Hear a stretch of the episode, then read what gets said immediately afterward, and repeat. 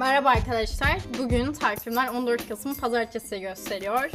Ee, bu kaydı yeni bir serinin açılışı için yapıyorum. Bu seride matematikçi portrelerini, dünyadan matematikçilere ve aslında matematikçi derken matematiğe dolaylı olarak da katkısı olmuş olan insanları da bu serinin içine alacağız. Ve bu seriye başlarken milattan önceye götüreceğim sizi. Milattan önce 624 yılına gidiyoruz ve bu yıllarda ilk filozofyada bilim adamı kabul edildiği e, kişi olan Thales'le başlıyoruz. Daha sonra Pisagor'u e, ele alacağız. Sonrasında yani Pisagor'dan sonra e, Heraklitos, sonra Zenon, e, ondan sonra da Sokrates'i yani Sokrat'ı ele alacağız. E, ve e, Platon'u ele alacağız. Çünkü Sokrates'le e, Platon iç içe. Ee, sonra da zaman kalırsa Aristo'yu ele alacağız ve bu serimiz burada sonlanmış olacak. Serimizin ilk bölümü. Thales'e başlayalım. Thales e, bir fizikçi olarak tanınmasına rağmen matematikte yoğun olarak çalışmalar yapmış. Onun ünlü birkaç teoremi günümüze dair kullanılıyor. E, yani baktığımız zaman aslında bilime katkının e, birikimli olarak ilerlediği ve aslında ilk katkıların bile ne kadar doğru ve iyi e, doğrultuda olduğunu sonucunu buradan alabiliriz. Ve Thales bir Egeli e, ve İonya ülkesinin bir vatandaşı. Peki İonya nerede? Batı Anadolu'nun Ege sahillerinde kıyısı olan eski bir uya- uygarlık. E, Milet ise bu uygarlıkta en önemli kentlerden biri. E, yani aslında Milet kasabası e, Söke civarında bir antik kent. Bu tarih kentinin adıyla anılan Miletos okulunun kurucusu ve yöneticisi Thales. Antik çağda yaşamış olan Thales, Mısır'a yaptığı seyahat sırasında oradakilerden çok şey öğreniyor. O zaman baktığımız zaman Mısır, Doğu ve Batı olarak düşündüğümüz zaman da hani milattan önceki yıllarda aslında çoğu bilim insanının e, Ege kökenli olduğunu görebiliyoruz. Ve Thales kendi geliştirdiği tekniklerle Memphis ta- tapınağının yüksekliğini doğru olarak hesaplıyor. Ve bundan dolayı da e, Mısır hükümleri Amesis tarafından ödüllendiriliyor. Bunu hesaplarken kendi buluş olan teoremlerden yararlanıyor ve ilk kez bir teorem onun tarafından düzenleniyor. E, burada teoremde e, orantılı parçalar ve benzer üçgen ilişkilerine yer veriyor. E, ispat kavramı o zamanlar yok. Biz şu an matematikte ben bir bölüm öğrencisi olarak sürekli ispatlar üzerinden bir ele almalar yapıyoruz. E, o zaman bu teoremleri savunmaktan öteye geçmiyor. Yani ispat yaparken biz belli yöntemleri kullanarak bunu e, doğruluğunu göstermeye veya yanlışlığını e, göstererek çelişkiye ulaşmaya çalışıyoruz. E, burada Miletus Okulu'nun çalışma alanları daha çok doğayla ilgili olmakla birlikte matematik ile de yakından ilgilendikleri, bıraktıkları eserlerden anlaşılıyor. Ee, burada çok fazla öğrenciler e, bilgi devamlılığı sağlamak üzere yetiştirilmiş. Sonrasında da Pisagor'u görüyoruz. Ünlü e, Pisagor teoreminin e, belki matematikle alakası olsun olmasın lise müfredatına bile karşılaştığınız üçgensel hesaplamaların aslında yapan kişi. Ee, Pitagoras olarak da biliniyor ya da Pisagor. Çok yönlü kişiliğin yanında matematikçi olarak da e, adlandırılıyor. Yunan filozof ve bilim adamı günümüze dair geçerli ve tüm zamanlar için geçerliliğini koruyacak ünlü teoremini buluyor. Bu da düzenli bir dik üçgende dik kenarlar üzerine kurulan karelerin alanları toplamı hipotenüsün üstünde kurulan karenin alanına eşittir. Bu Pisagor teoremidir. Ve bunun aslında Pisagor'dan önce Çinli Çupei tarafından da bilindiği kanıtlanıyor. Sümerler ve Babiller gibi eski uygarlıklarda kenarları 3-4-5 birim olan üçgenlerin dik üçgen olduğunu biline dair bilgiler de mevcut. Yani burada aslında Pisagor farklı yapan şey bu bulunmuşlukların ötesinde bunu matematikçi yaklaşımıyla yapıyor. Genelleyerek görüyor. Biz matematikte bir şeyleri tümden gelim veya tüme varım şeklinde hesaplamaya çalışırız. Mesela şöyle ispat yöntemi var ki bir, bir için doğru olduğunu alıyoruz. Sonra K için doğru olduğunu varsayıyoruz ve K artı bir için de doğru mudur diye bunu göstermeye çalışıyoruz. Bu şekilde olan ispat yöntemiyle bu aslında soruna yaklaştığı için önemli olan kısmı burada. İyi yetişmiş ve gençler iyi bir eğitim almış olan Pisagor çok sıkça seyahatler yapmış belki de bilgi keşfinin bence e, en çok neden olan şeylerden birisi bol bol seyahat yapmak. Babik ve Mısır'da geçirdiği uzun yıllar onun bilime önemli katkılarda bulunmasını sağlıyor. Din adamlarına ve rahatlerinden çok yararlandığı biliniyor. Çin'e gitmiş, birkaç yılını orada geçmiş. Sonra e, ülkesine, Sisam Adası'na geri dönüyor. 53 yaşında.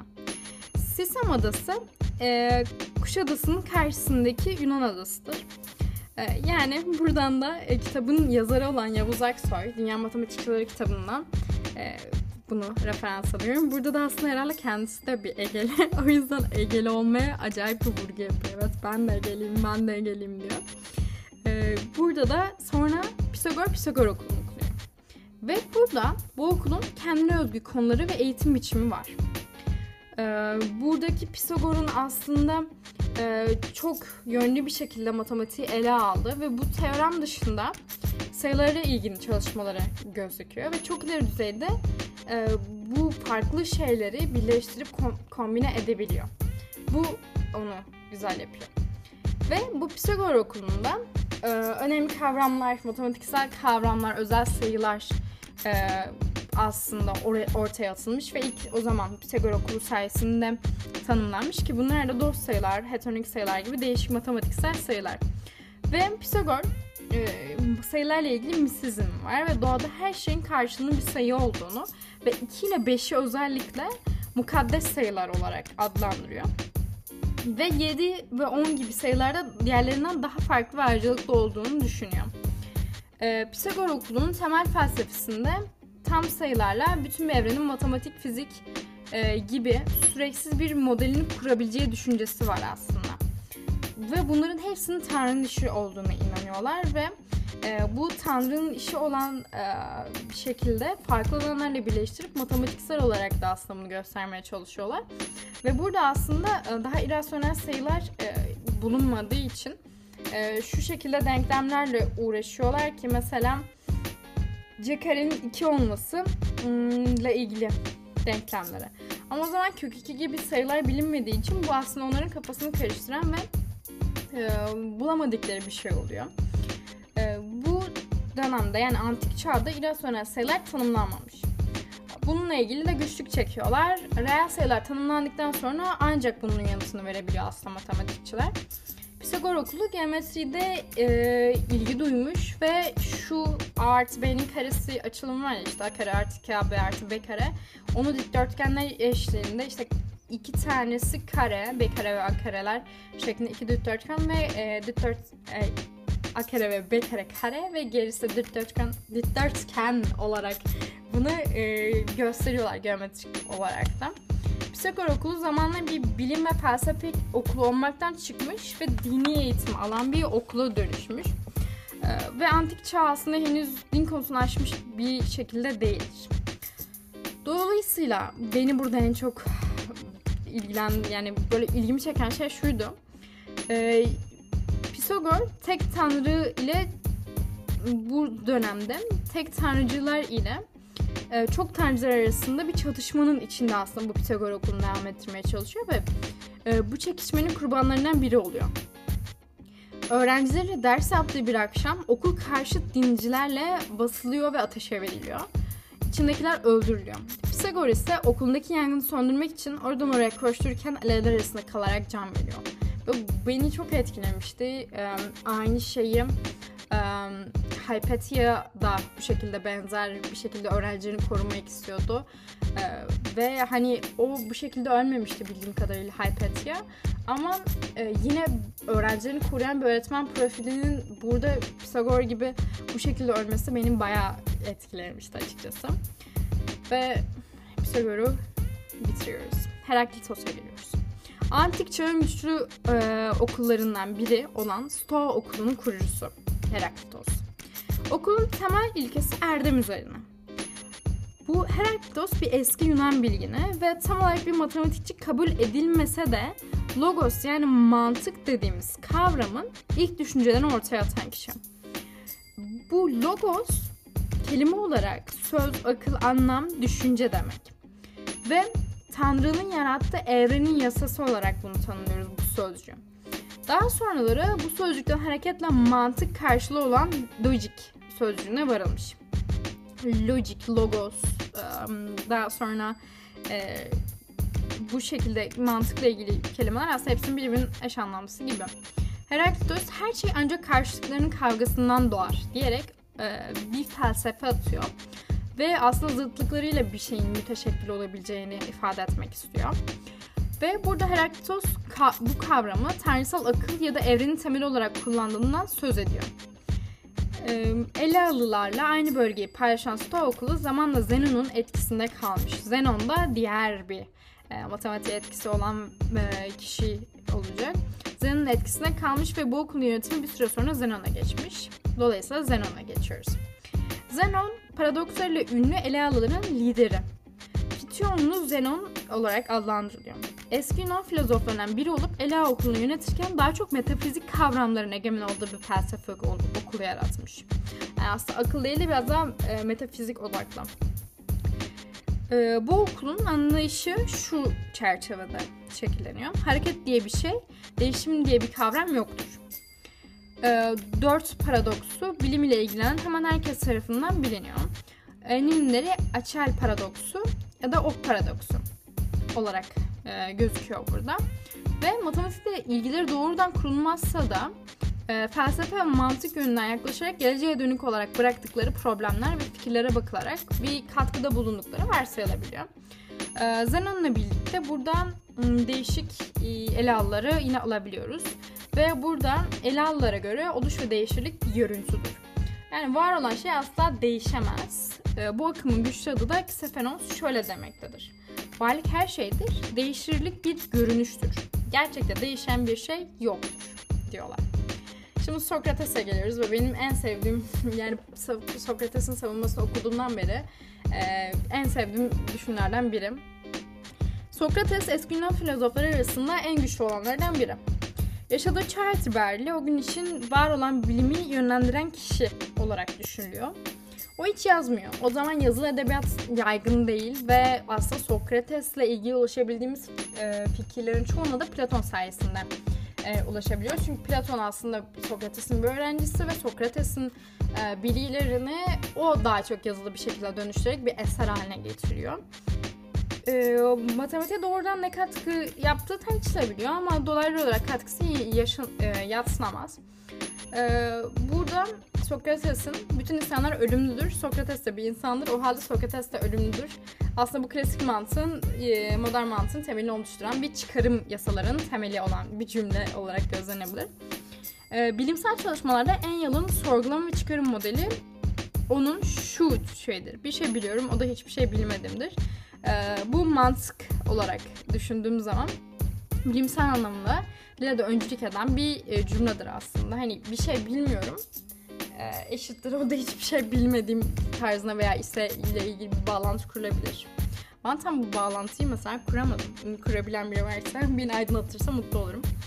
E, mantık e, kurmasını sağlayan aslında bunu felsefe yapmasını sağlayan da Sokrates'in Platon. E, Platon e, Sokrates'in öğrencisi demiştik ve Platon da Aristo gibi bir dev filozofi yetiştirecektir. Önceden de belirtildiği gibi o çağlarda bazıları için yazmak çok zor. Ee, ama Sokrates e, eserlerine biz Platon sayesinde bu şekilde ulaşılabiliyoruz. Ee, bu Sokrates'in de bir okulu oluyor ve onun okulunda dersler bahçede gezilerek yapılıyor. Her gün bir konu seçilerek bu konu üzerine ko- konuşmalar ve tartışmalar yapılabiliyor. Ve buradaki amaç düşünmeyi öğretmek oluyor ve soru sormak, sorgulamak. Keşke bizim okullarda böyle olsa. Hani oturup bir yerde sürekli aynı masada aynı şeyde oturup orada dersi dinlemesek keşke. Yani benim bir hayallerimden biri olabilir çünkü ben lisede biraz şeydim yani dersi oturamıyordum ve sürekli de mesela ders içinde hoca demiştim hocam ben derste oturamıyorum. Yani beni hoş gelin. Arada yürüyordum falan böyle tabii arkadaşlarım için sıkıntılı olabiliyordu. Özellikle özel ders aldığım zamanlar böyleydi. E, tümel varım kavramı aslında e, Sokrates'le başlayan bir kavram. Biraz önce ele aldım işte birden K'ya, K'dan e, K artı 1'e giden e, aslında matematiksel bir yapım. E, burada matematik için gerekli en temel yasalardan biri zaten bu tümel varım. Ee, Sokrates tam bir matematikçi olmasa da bu aslında matematikçiler arasında yer alıyor çünkü aslında en önemli e, ilkeyi hayatımıza koymuş oluyor. Onun ölümünün hazine öyküsü de kısaca şöyle olarak adlandırıyor bu kitapta. Diyor ki işte bu geçimsiz bir insandı falan filan diyor bu kitapta. Ama bu yanlış. Sokrates'in savunmasına göre burada çelişkiler var. Burada diyor ki hani hmm, işte insanlara borcu vardı, işte isyan ediyordu, e, borçtan ödemiyordu, eşiyle arası kötüydü falan.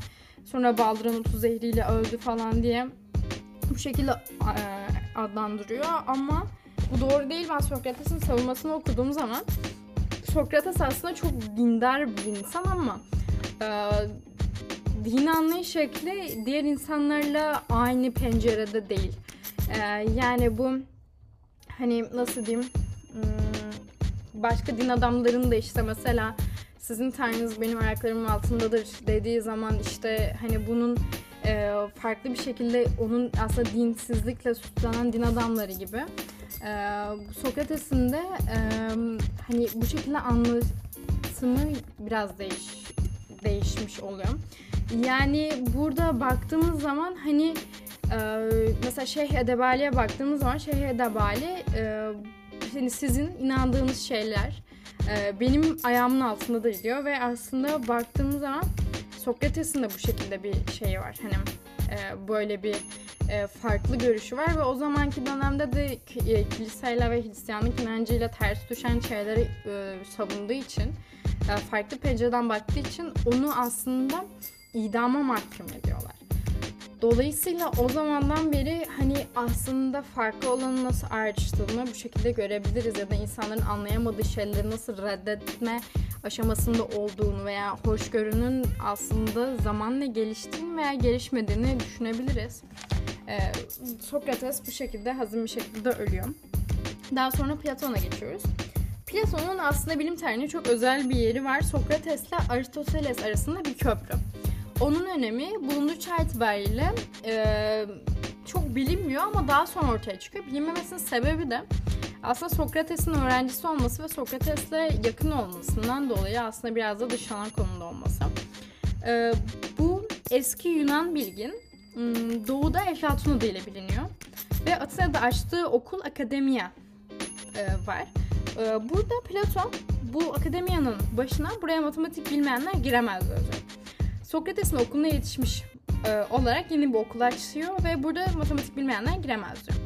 Burada işte okullaşma aslında Yunan, antik Yunan'da gözüküyor ve aslında yaygın bir ekol haline geliyor buradaki gözlemlerimize göre. E, bu bilim düzeyi yüksek bir çalışma e, içeriyor bu okul ve başlıca konularından biri matematik. Platon kendisi matematikçi olmamakla birlikte matematikle ilgilenmiş ve aslında matematiği e, devlet kitabında da görüleceği üzere bir ülkenin iyi yönetilmesi için tüm gençlerin çok iyi matematik bilmelerini aslında şart koyuyor Platon. Sokrates öldüğü yıl 30'larında bir genç adam aslında Platon. Hocasının hazin ölümü sonrası e, bu Atina'yı terk ediyor ve Sicilya'ya, Arşimet'in ülkesine gidiyor. Uzun yıllar Atina'ya dönmüyor. Ve Atina'ya döndükten sonra ilk işi okulunu açmak oluyor ve işte akademiye böyle kuruluyor. Matematik e, ile ilgili de araştırmalar yapılıyor ve burada aslında matematikle ilgili tek çift sayılar, asal sayılar, kesir sayılar, çarpanlara ayırma, birim kavramı gibi e, değişik e, matematiksel katkılar veriliyor. Platon'un ilgilendiği önemli bir konuda sibernetik olarak adlandırılan kavram. Onun koyduğu adla Kubernetes dediği bu özel bilim dalı aslında bu yöneten veya yönlendiren an, anlamında anlatılmak istenen yani bu Platon aslında sibernetiğin atası sayılan bir kavramı kimse kavrayamadığı sırada ortaya atıyor. Platon'un yapmak istediği eğitimin niteliği analitik düşünceye egemen kılmak ee, ve bu sentetik yaklaşımı o böyle öğretici eserler vererek aşmak istiyor. Hani bu işte e, analitik bakış açısı olmayan şeyleri bu onun ölümünden sonrasında da e, bu kitapları ve aslında e, okulu başkalarına devrediliyor. Ve bu eserleri e, birçok antik çağdaki yazar ve işte e, derleyicinin dışında günümüze kadar çok düzen bir şekilde gelebilen eserler. Çünkü e, bu yazılı yazılı şeyi, yazılı eser bırakmayı çok fazla yaptığı için aslında burada görebiliyoruz. E, ve burada e, felsefe boyutun yöneldiğinde Platonculuk diye adlandırdığımız akımın çıkışını sağlıyor. Bu akım aslında matematiğin kökenli sorununu ilk kez gündeme getiriyor ve matematik açısından da çok önemli bir dönemeç olduğu burada gözlemleniyor. Ve bu şekilde Platon'u da bitirmiş oluyoruz. Tabii ki bunlar hani 20 dakikada, 21 dakikada anlatılacak kişiler değiller. Ama bu şekilde bir seriye başlamak istedim. Çünkü ben bu kitabı okuyordum ve dedim ki neden bundan da bir içeriye dönüştürmeyeyim. E, çünkü bunların aslında diğer insanlar tarafından da bilinmesi örnek portreler oluşturarak aslında kendimize bir e, rol model seçmemize yardımcı olabileceğini düşünüyorum. Umarım size de bu bölüm faydalı olmuştur. Bendeniz Şevval Hatice. Bir dahaki podcast bölümünde görüşmek üzere. Kendinize iyi bakın.